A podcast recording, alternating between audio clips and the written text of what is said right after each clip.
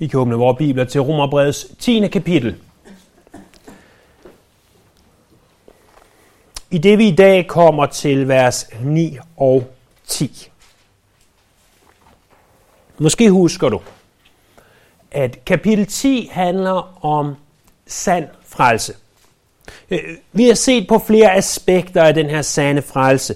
Øh, vi har set i vers 1 og 2, hvordan sand frelse indeholder varme og lys. Varme i form af kærlighed til Jesus, lys i form af en vis portion af viden om Jesus. Øh, vi så i vers 3, at sand frelse øh, er frelse, som er ved retfærdiggørelse ved tro. Øh, at vi retfærdiggøres ved troen. Vi så i vers 4, at sand frelse indeholder et nyt forhold til loven. Ikke at loven i sig selv er tilsidesat, men at vi pludselig får en lyst til at leve efter Guds lov. Og så så vi sidste gang, vi var samlet om Romerbrevet i vers 5-8, at sand frelse er faktisk nem at finde. Det er ikke noget svært.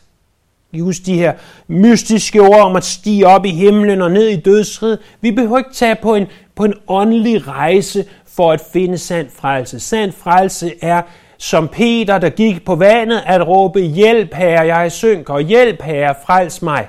Anderledes er det ikke. Og så alligevel, så kommer vi til vers 9 og 10.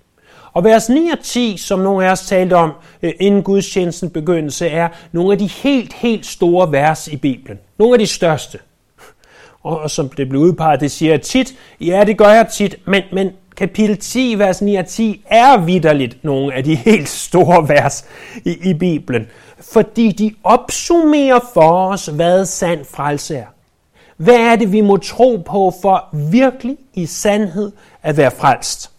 Øh, og det her, det er en af Bibelens tydeligste definitioner på det. Teksten i sig selv, lad mig læse den for dig, og så øh, give et par kommentarer om den. Romerbrevet kapitel 10, vers 9 og 10. For hvis du med din mund bekender, at Jesus er Herre, og i dit hjerte tror, at Gud har oprejst ham fra de døde, skal du frelses. For med hjertet tror man til retfærdighed, med munden bekender man til frelse. Øh, egentlig er teksten lige til. Den er ikke svær at forstå. Ordene på originalsproget er ikke øh, som hovedregel vanskelige. Øh, grammatikken er ikke indviklet. Øh, der står, øh, at det er, øh, hvis du med din mund bekender, og hvad henviser det tilbage til? For, hvis du med din mund bekender, det henviser tilbage til det troens ord, ordet, der er der nær i vers 8. Det ord, vi prædiker, evangeliet, øh, hvad er det? Så, så det han siger, Paulus, det er, vi prædiker et ord, det er evangeliet. Hvad er evangeliet? Lad mig forklare dig kernen i evangeliet. Hvad er det, det vil sige at have troens ord? Der er her tale om en betingelse for at blive frelst.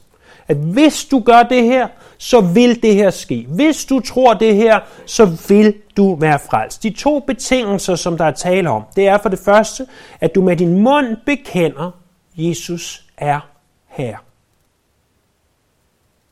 Og for det andet i dit hjerte tror, at Gud har oprejst ham fra de døde. Det er de to betingelser. At bekende er øh, et lidt interessant græskord. Det er homo legeo. Homo fra det samme, en homo sapiens, eller andre ord, vi kan med det, det samme, og legeo at sige. At sige det samme. At sige det samme om Jesus, som Bibelen siger. Hvis du bekender, at Jesus er Herre, ligesom at resten af Bibelen bekender, at Jesus er Herre, så må du gøre det samme. Du må være enig i det. Det er sådan set det, det betyder.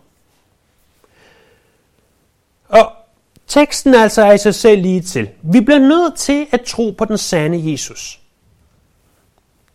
Dengang for snart en halv menneske eller siden, da jeg gik rundt på Oceansides gader i Kalifornien og forkyndte evangeliet, mens jeg var på bibelskole, så mødte vi tit folk, og så sagde vi, kender du Jesus?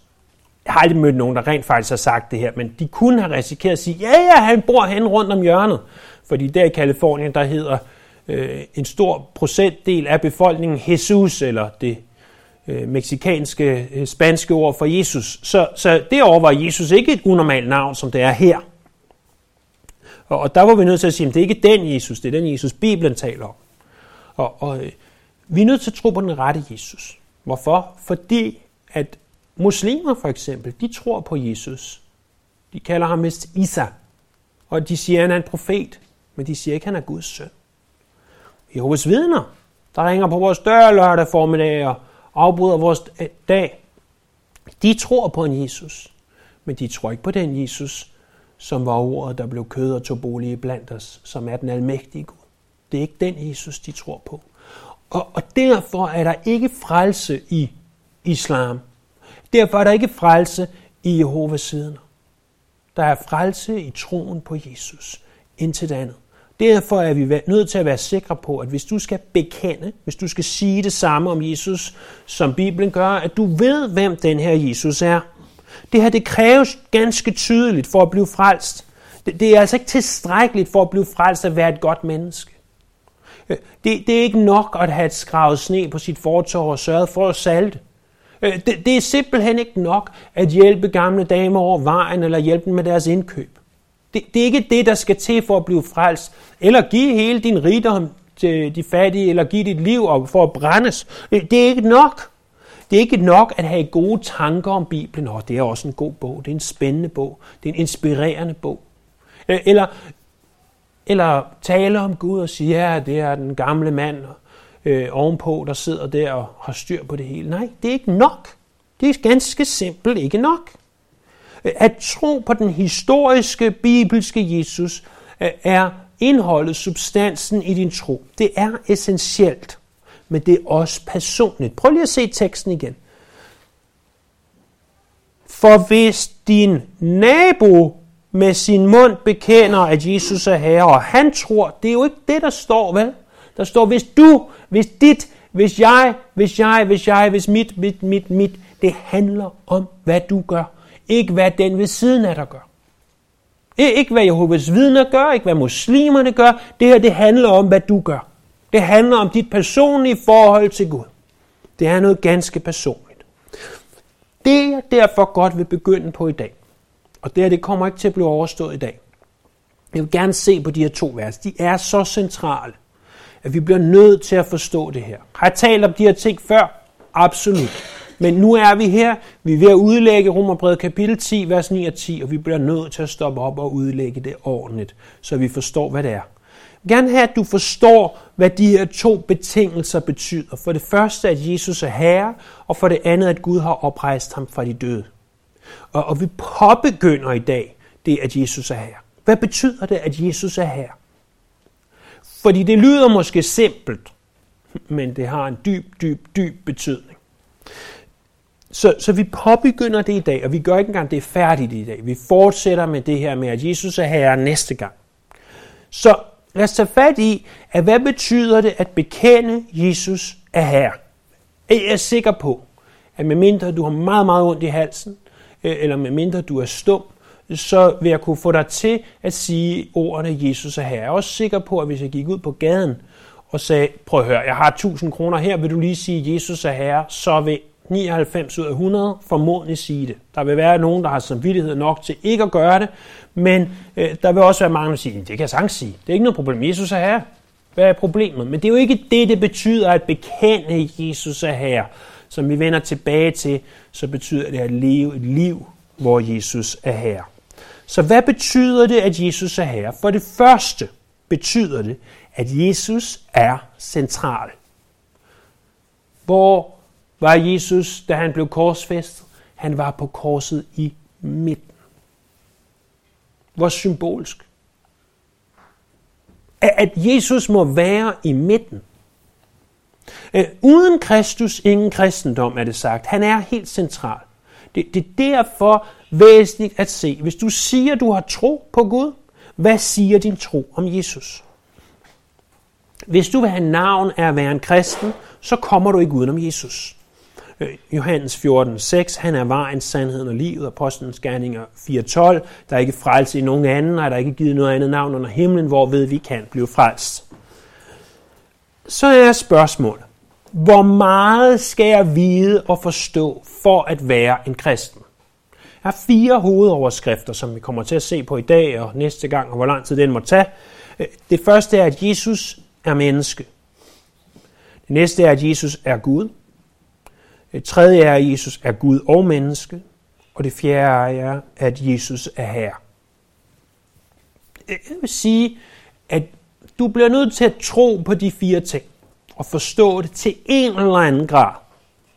Det er hovedoverskrifter. Og, og du det er nødt til at forstå det, så det i en eller anden grad påvirker dit liv. Så det er ikke nok intellektuelt at forstå det, det er nødt til at gøre noget i dig. Jesus er menneske, Jesus er Gud, Jesus er Gud og menneske, og Jesus er Herre. Men jeg vil også godt understrege meget, meget kraftigt, at nu om lidt, så går vi i gang med det her med, at Jesus er menneske, og der kommer en masse underpunkter, en masse detaljer og en masse skriftsteder. Skal du forstå alt det? Skulle du have vidst alt det i dag, før du dukkede op for at få lov til at tage nadver? Absolut ikke. For hver en af os, så lærer vi hele livet. Hver gang næsten jeg sætter mig ned med min bibel og mine bøger og, og så videre, så lærer jeg et eller andet nyt. Et lille bitte, bitte, bitte, bitte aspekt måske, eller noget ganske stort. Men, men jeg lærer stadigvæk. Jeg vidste ikke alt det, som jeg har i mine noter i dag, nødvendigvis. Noget af det var nyt for mig. Noget af det var, okay, det var jeg ikke klar over. Det, det er en fli af et aspekt. Øh.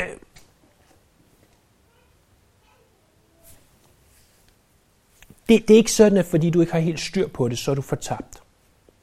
At hvis jeg om lidt gik ned og slukkede for kontakten dernede, så vil vi forhåbentlig alle sammen være klar over, hvad der sker, når vi trykker på sådan en. Så slukker lyset, og hvis vi trykker på den igen, så tænder lyset. Men jeg er også temmelig sikker på, at ikke ret mange af os vil kunne svare på, hvad ligger der bagved. Hvorfor gør den det? Og, og hvad er det, der sker? Og hvordan løber strømmen igennem? Og hvad er strøm? Og alle de her ting. Det, det er nok, at du ved, du må trykke på kontakten. Det er nok, at du ved, at Jesus er menneske. Præcis hvad baggrunden er, det er ikke nødvendigvis nødvendigt at vide. Hver af de her underpunkter tror jeg på er sande, de er rigtige, de er vigtige, og jeg tror også på, at vi skal gøre en indsats for at forstå dem. Og, og det er ikke sikkert, at du lige har tænkt over, at det sådan, hænger sammen. Du må tro for eksempel, at Jesus er menneske for at have sand frelse. Men hvis du dukkede op i dag og ikke lige havde tænkt over, at Jesus også blev sulten, så betyder det ikke, at du på forhånd er fortabt. Okay? Men hvis du ikke tror på, at Jesus er menneske, hvis du ikke tror på, at Jesus er Gud, hvis du ikke tror på, at Jesus på samme tid er Gud og menneske, hvis du ikke tror på, at han er herre, så vil jeg gerne våge den påstand, at så er der en, en overhængende sandsynlighed for, at du endnu ikke er en kristen. Jesus er menneske. Hvad betyder det? Er det overhovedet et spørgsmål, at Jesus er menneske? Hvad er det for et mærkeligt spørgsmål? Jamen, faktisk var en af de første vrangforestillinger og vranglærer i kirken, at Jesus i sandhed var Gud, men han bare lod som om han var menneske. Han var en slags fantom, en slags spøgelse, et hologram, eller hvad vi nu vil. Prøv en gang at se i 1. Johannes brev, kapitel 4.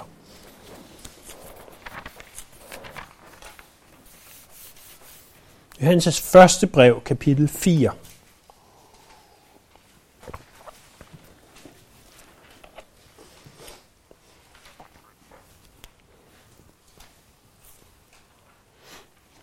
Johannes han skriver ind i konteksten af det første århundrede, og han skriver her, øh, hvis vi starter i vers 1, øh, Mine kære, tro ikke enhver ånd, men prøv om ånderne er af Gud, for der er gået mange falske profeter ud i verden. Og så 1. Johannes kapitel 4, vers 2. Derpå kan I kende Guds ånd. En hver ånd, som bekender, at Jesus er Kristus, kommet i kød er Gud. Vers 3. Men en hver ånd, der ikke bekender Jesus, er ikke er Gud, og det er antikristoånd, som I har hørt, det skal komme, og den er allerede nu i verden. Så en af de helt fundamentale ting i den første tid i kirken var, at de ikke troede på, at Jesus var kommet i kød. At hvis Jesus gik en tur langs stranden, så kunne du se det ene sæt fodspor, eller så kunne du ikke se hans fodspor, fordi han var et fantom, et spøgelse, om du vil. Men ingen historiker i dag i sin rette forstand vil benægte, at Jesus var et menneske. Ja, googlede, øh, øh, har, er Jesus en virkelig person? Har Jesus virkelig eksisteret? Noget i den retning. Og på eksperimentarets hjemmeside, der skrev de øh, spørgsmål, har Jesus eksisteret? Svaret ja, Jesus er en virkelig person. Videnskab.dk havde en, en lignende og meget, meget kritisk øh, artikel af en eller anden religionshistoriker, øh, som selvfølgelig mente, at evangelierne var en myte, og det alt sammen var alt muligt, men han konkluderer alligevel, at evangelierne indeholder også referencer til en masse andre personer end bare Jesus. Pontius Pilatus, Johannes Døberen, Kong Herodes osv. De har alle sammen eksisteret. Hvordan han ved, at Johannes Døberen har eksisteret, det kan jeg ikke se uden for Bibelen men, og, og Josefus, men fred nok for være med det. Den historiske kontekst er altså ikke frit opfundet. Det peger alt sammen på, at Jesus nok heller ikke er det. Og, og altså, det kan vi jo grine af og alt muligt andet. Det, det, selvfølgelig har Jesus som person eksisteret. Det, det vil der ikke du vil ikke kunne få ret mange normalt tænkende mennesker til at påstå andet. Vi læser om ham som historisk person i mange øh, flere forskellige gamle kilder. Øh, en af Tacitus i år 116 øh, efter Kristus, at der står, Kristus, deres grundlægger, blev slået ihjel af Pontius Pilatus, stadholder Judæa under Tiberius' regering. Så er der en række andre, en der hedder Lysian, Suetonius, Pliny, Talus, de beskriver en eller anden form Kristus eller de kristne, og så selvfølgelig er der den jødiske historiker Josefus, som i forskellige sammenhæng beskriver de kristne eller Kristus, og han skriver blandt andet den kristne stamme, hentyder han til. Øhm, og, og så har vi jo det nye testamente, øh, en historisk kilde, Øh, og, og med en religiøs tekst, stadig en historisk kilde, og så alle de tidlige kirkefædre, som skriver de første 2, 3, 400 år, øh, og bevidner alt muligt om Jesus. Derudover, hvis du er mere i tvivl, jamen så tag en tur til Israel og, og rejse rundt i det hellige land og se de steder, som Bibelen beskriver, og, og så behøver du ikke længere at være så meget i tvivl om den historiske Jesus. Øh, vi er nødt til at forstå, at Jesus var i sandhed et menneske, øh, næsten som du og jeg. Fordi vi ved jo, øh, og det her det er den anden ting, at han blev født af en jomfru. Det læser vi i Bibelen i Matthæus kapitel 1, vers 18. Med Jesu Kristi fødsel gik det sådan til, hans mor Maria var forlovet med Josef, men før de havde været sammen, viste det sig, at hun var blevet med barn med Helligånden. Og Lukas kapitel 1, vers 35. Englen svarede hende, Helligånden skal komme over dig, den højeste kraft skal overskygge dig. Derfor skal det barn, der bliver født, også kaldes helligt Guds søn. Øh, Bibelen den er klar omkring, at Maria var jomfru før og efter øh, hun blev gravid med Jesus, og at Jesus altså var undfanget med Helligånden. Det er interessant nok, vi kalder det jomfru fødsel. har jo ikke noget med en jomfrufødsel at gøre i. Måden Jesus blev født på var ganske meget ligesom den måde, du og jeg er blevet født på, måske bortset fra, at de fleste af os ikke er, er født i en stald i Bethlehem øh, julenat, eller deromkring plus minus, og at der kom engler, der var en stjerne osv. Øh, men, men selve fødslen var en ganske normal menneskelig fødsel. Det er, vi burde ændre ordet til, ikke jomfru fødsel, men jomfru undfangelse. Bare et langt ord, så må, måske skal vi holde det til jomfru fødsel. Men, men mere teknisk er der tale om en jomfru undfangelse. Hvorfor er det vigtigt, at Jesus blev jomfru undfanget, om du vil? For det første, fordi det viser os, at Frelse er noget, som Gud i gang sætter.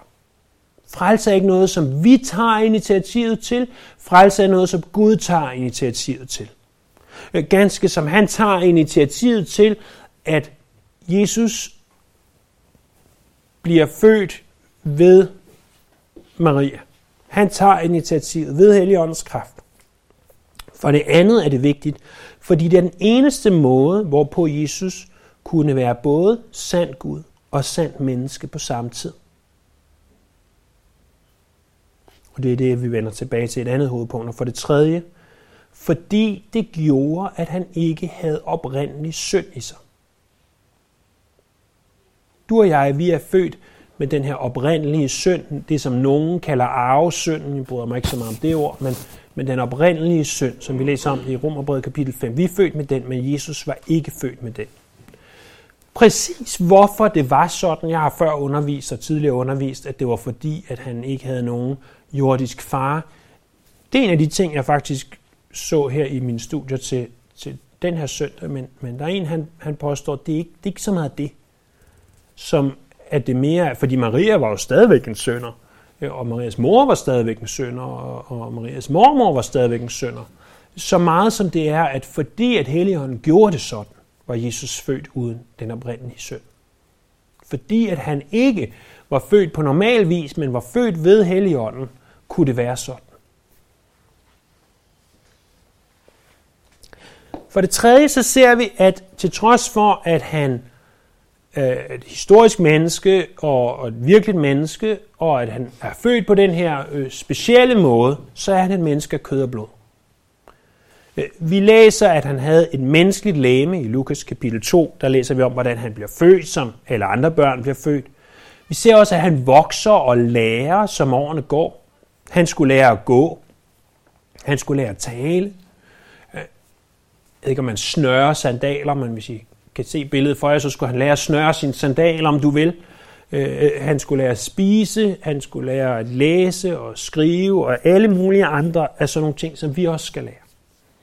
Vi ser, at han fysisk har ganske meget til fælles med os. Vi ser, at han er træt i Johannes kapitel 4, vers 6. Vi ser, at han tørstede i Johannes kapitel 19, vers 28. Ser, han sultet i Matthæus kapitel 4, vers 2. Og vi ser naturligvis, at han døde i Lukas kapitel 23, vers 46. Så alle de ting, som du og jeg, vi føler, det følte Jesus også.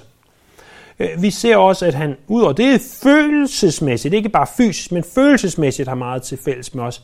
Hans sjæl var i oprør i Johannes kapitel 12, vers 27. Øh, han var fortvivlet i Matthæus 26, 38. Øh, han så undrende til noget i Matthæus kapitel 8, vers 10. Han følte sorg i Johannes kapitel 11, vers 35.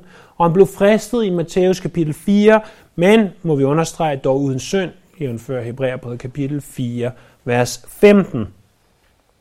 Øh, og så er der sådan en interessant beretning, hvor Jesus han kommer tilbage til Nazareth, der hvor han er vokset op. Han går ind i sin, sin hjemlige synagoge, og han åbner skriftrullen og, og læser fra den, og, og så er det jo, at de kaster sig ned og siger, du må være Gud, du er fantastisk, du er... Nå nej, sådan foregik det ikke lige. Så tog de ham og at kaste ham ud over klippeskrænten, fordi han prøvede på at sige om sig selv, at han var Gud. Når hans familier, naboer, venner, alle de mennesker, han var vokset op med, havde levet sammen med i omkring næsten 30 år, 25 plus år, de så på Jesus, så så de ikke noget meget specielt. Det kan godt være, at de har undret sig over, at han aldrig øh, havde et øh, syndigt vredesudbrud, og at der var andre ting, som, som var specielle ved ham. Men, men det var ikke sådan, de så ham som Gud. De så ham som et ganske almindeligt menneske, der gjorde noget, han ikke skulle. Det var dem, der kendte ham bedst. Hvis, hvis du tænker på det, hvor du var vokset op, hvis det i hvert fald som jeg, var en relativ mindre by og en mindre menighed, eller hvad det nu var, de mennesker, de kender dig temmelig godt. De, ved ting om dig. Prøv at tænke på vores børn, vi har en ved siden af. Hvis vi om 15-20 år, de kommer her, og de har været en del af vores menighed næsten al den tid, hvor godt vi kender dem. Og så stiller de sig pludselig op og siger et eller andet, mm, mm, så, så ved vi, hvem det er. Hvis, hvis vi havde kunne se noget specielt, meget specielt i dem, nå, siger, vi, vi kan se det, men det kunne de ikke. De så ham som et ganske almindeligt menneske, der lavede fodspor, når han gik i sandet. Der blødte, når han skar sig. og der måtte gøre de ting, spise og så videre, som vi må. Tag et bad en gang imellem. Og, og, og alle de her ting, som, som vi nu engang skal, det gjorde han også. Da Jesus så døde, så opstod han igen i et menneskes læme. Et opstandelseslæme. Vi ser det i Lukas kapitel 24, vers 39, Johannes kapitel 20, vers 17 og 20. Kan I huske den der, hvor Peter springer i vandet og svømmer ind til bredden, og Jesus så sidder der klar med fiskene, og de har morgenmad med Jesus på stranden. Og de sidder der, og Jesus han spiser sammen med dem. Og de siger, ah, kan det virkelig være dig? Og han siger, jamen har, en, har et spøgelse virkelig kød og knogler? Selv i opstandelseslemet er Jesus ikke et spøgelse. Derfor må vi også forstå, at når vi dør, så bliver vi ikke til spøgelser. Vores sjæl går til himlen. Vores læme bliver lagt i jorden, enten brændt eller hvad den går i forrådelse, eller hvordan vi nu gør det. Men en dag vil det læme opstå igen og blive til et opstandelseslæme og blive bragt sammen med vores ånd i det, som vi typisk kalder for bortrykkelsen. Og så får vi et opstandelseslæme, ganske som Jesus har nu i dag i himlen, et opstandelseslæme. Det er svært at forstå, det ved jeg godt. Det er ikke en af de ting, du skulle have forstået, inden du kom herind. Det er jeg udmærket klar over. Men, men derfor er det godt at vide. Fordi han blev menneske, og vil forblive menneske til alle tider. Det er det en af de ting, der først gik op for mig for et par år siden. Du har sikkert vidst det i årtier, men, men for mig gik det først op for mig for et par år siden. At da treenighedens anden person, som vi typisk kalder sønnen eller Jesus, træder ind i verdenshistorien for cirka 2000 år siden i en stald i Bethlehem og lader sig føde, så er det besluttet, at han skal blive menneske, og at han skal forblive menneske til alle tider. Det er altså ikke sådan, i det han tager tilbage til himlen, at han så ophører med at være menneske. Og, og det er slut. Nej, han er stadig menneske. Han har aldrig ophørt med at være Gud. Det vender vi tilbage til næste gang, og når vi kommer til de næste punkter. Han har aldrig ophørt med det. Men han blev menneske og forbliver menneske. Han ikke kød og knogler igen, Lukas 24, 39. Han spiser Lukas 24, 41 og 42. Og så fortæller han der i det første kapitel af Apostlenes Gerninger, de siger, Åh, hvad skal der ske, og hvad skal der ske, og så videre. Han siger til dem, prøv at høre, jeg går bort fra jer, Kristi Himmelfart. Jeg kommer igen på samme måde, som jeg gik bort. Hvis Jesus gik bort med kød og knogler og et opstandelseslæme, som kunne nogle specielle ting, og kunne måske igennem, gå igennem en lukket dør, og hvad ved jeg, muligvis, at det henviser til et sted. Hvis han kunne det, og alligevel havde kød og knogler og hvad der var, og han, han havde stadigvæk øh, navlemærkerne i hånden, og, og så videre, og Thomas kunne stikke sin finger igennem det, og alle de her ting. Hvis han går væk på den måde, men kommer igen på samme måde. Jesus er i dag i det han sidder ved faderens højre hånd. Gud manden, om du vil. Gud og menneske.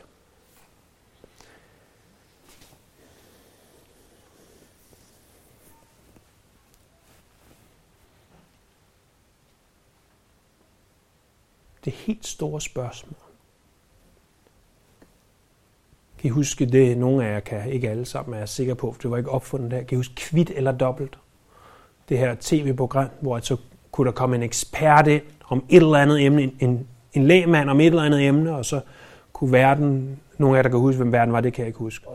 Otto Leisner, ja. Han kunne stille spørgsmålet, vil du have det næste spørgsmål, det er kvit eller dobbelt, og så gik det 1000, 2000, 4000, 8000, og til sidst tror jeg, det endte på 64.000, så vidt jeg øh, øh, husker ikke nogenlunde rigtigt. Jeg tror, det var 64, måske 128, jeg ved det ikke, men i hvert fald godt deroppe af.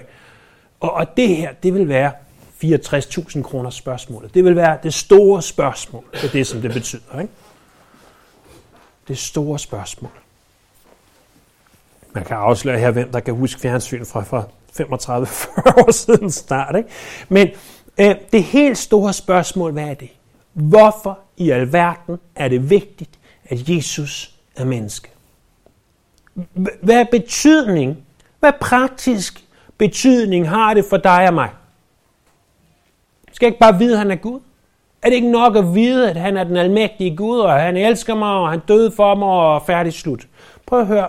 Jeg har tre ting, som jeg godt vil prøve at hamre fast i hovederne af os i dag.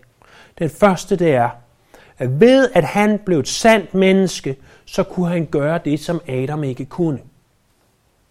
Tænk tilbage, 6.000 år. Adam går rundt der i Edens have. Perfekt temperatur udenfor. Behøver ikke tøj. Behøver ikke noget videre andet end det arbejde, han gider. Hvis han er sulten, så tager han bare en frugt. Han bliver mæt af den.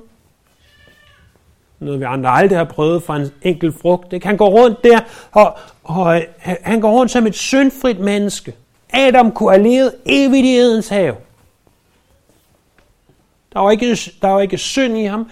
Der, øh, han ville ikke have været blevet gråhåret eller skaldet endnu værre. Han, han ville ikke have bumser og alle de ting, som han ville ikke have blevet syg hele tiden, som vi andre bliver det, og hostet og hakket og dårligt kunne få vejret. Alt det var slet ikke en del af Adams tilværelse eller Evas. De går rundt der, de har det godt. De kan sidde der og have en løve til kæledyr, og, og, og øh, alt er fantastisk. Han havde de perfekte omgivelser. Men Adam syndede. Adam overtrådte Guds bud. Adam gjorde det, han ikke skulle. Han spiste af det træ, der var forbudt.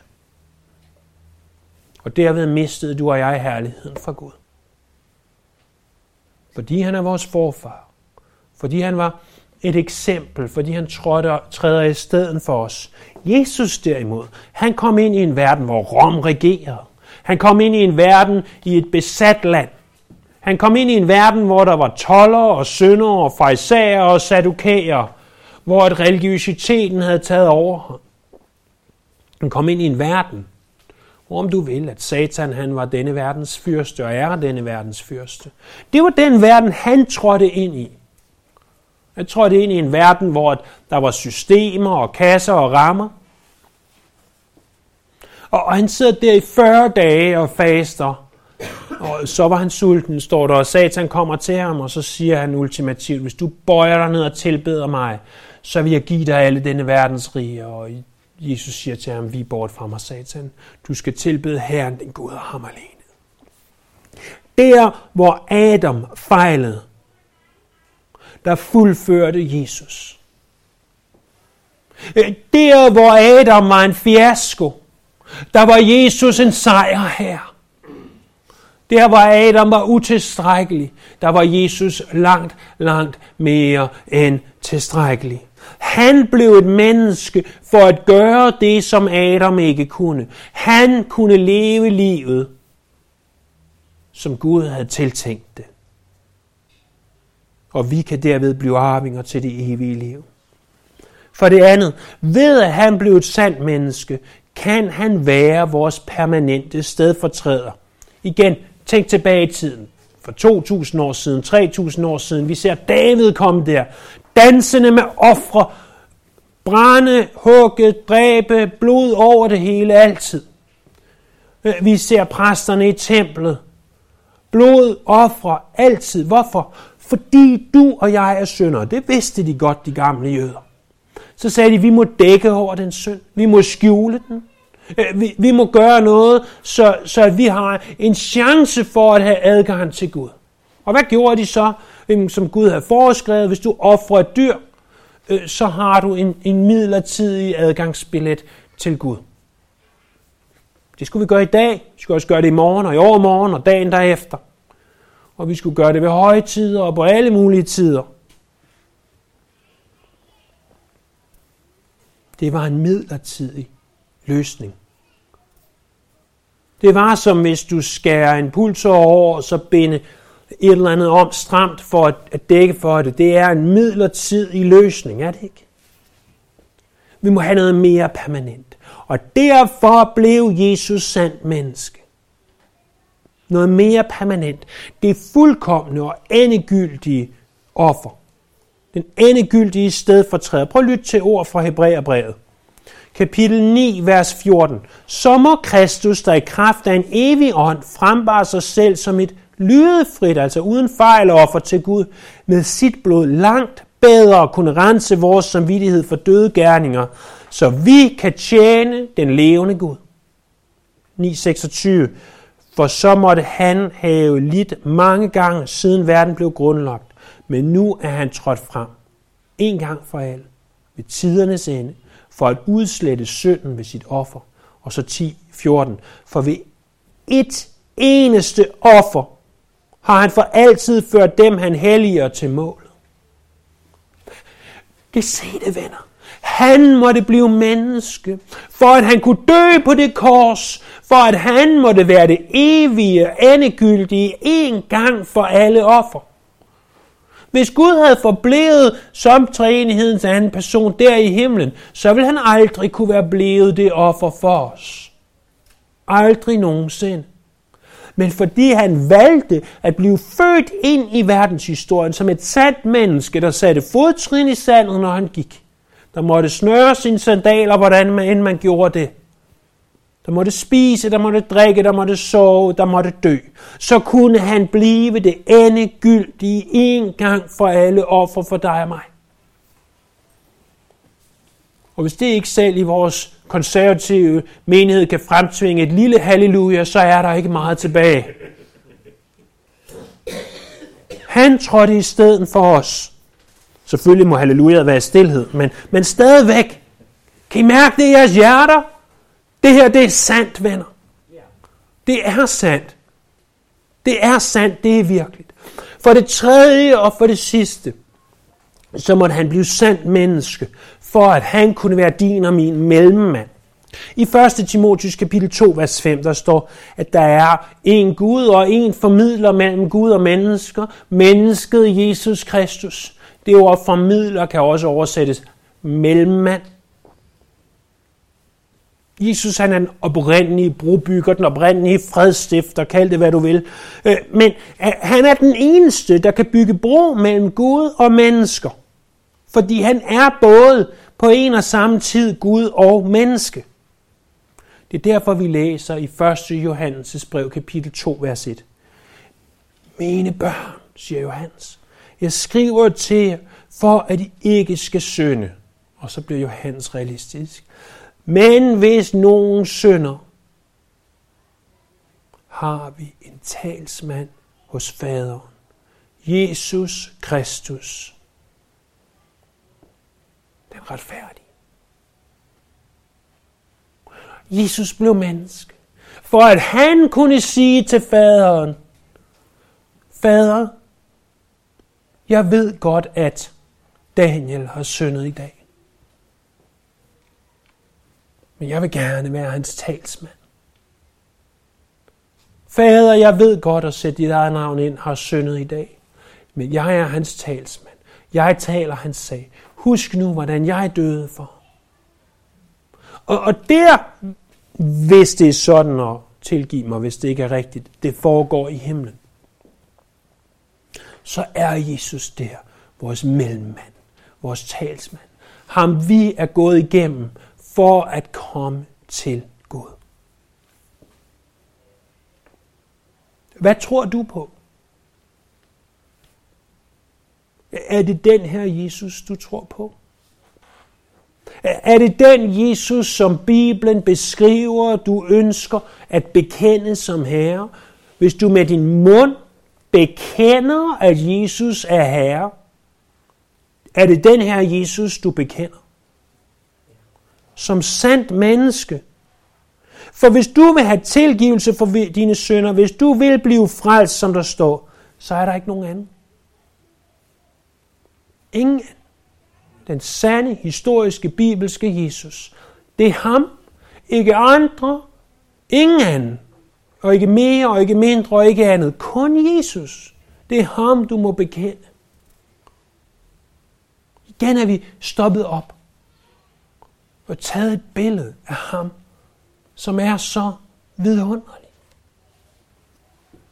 Og, og, og prøv at høre, på den ene side, så det vi har talt om i dag, er lige så simpelt, enkelt, så at de kunne have talt om det inde ved siden af.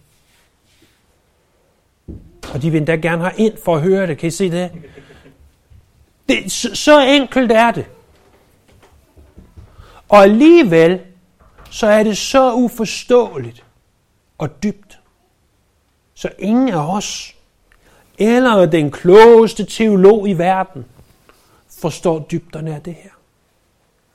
Men også er det givet at løfte en fli af det og skue vores frelser. Lad os bede sammen. Himmelske Fader, skaber og Gud, dig tilbeder vi, dig ærer vi, og dig priser vi. Vi lover dit mægtige navn, vi ophøjer dig.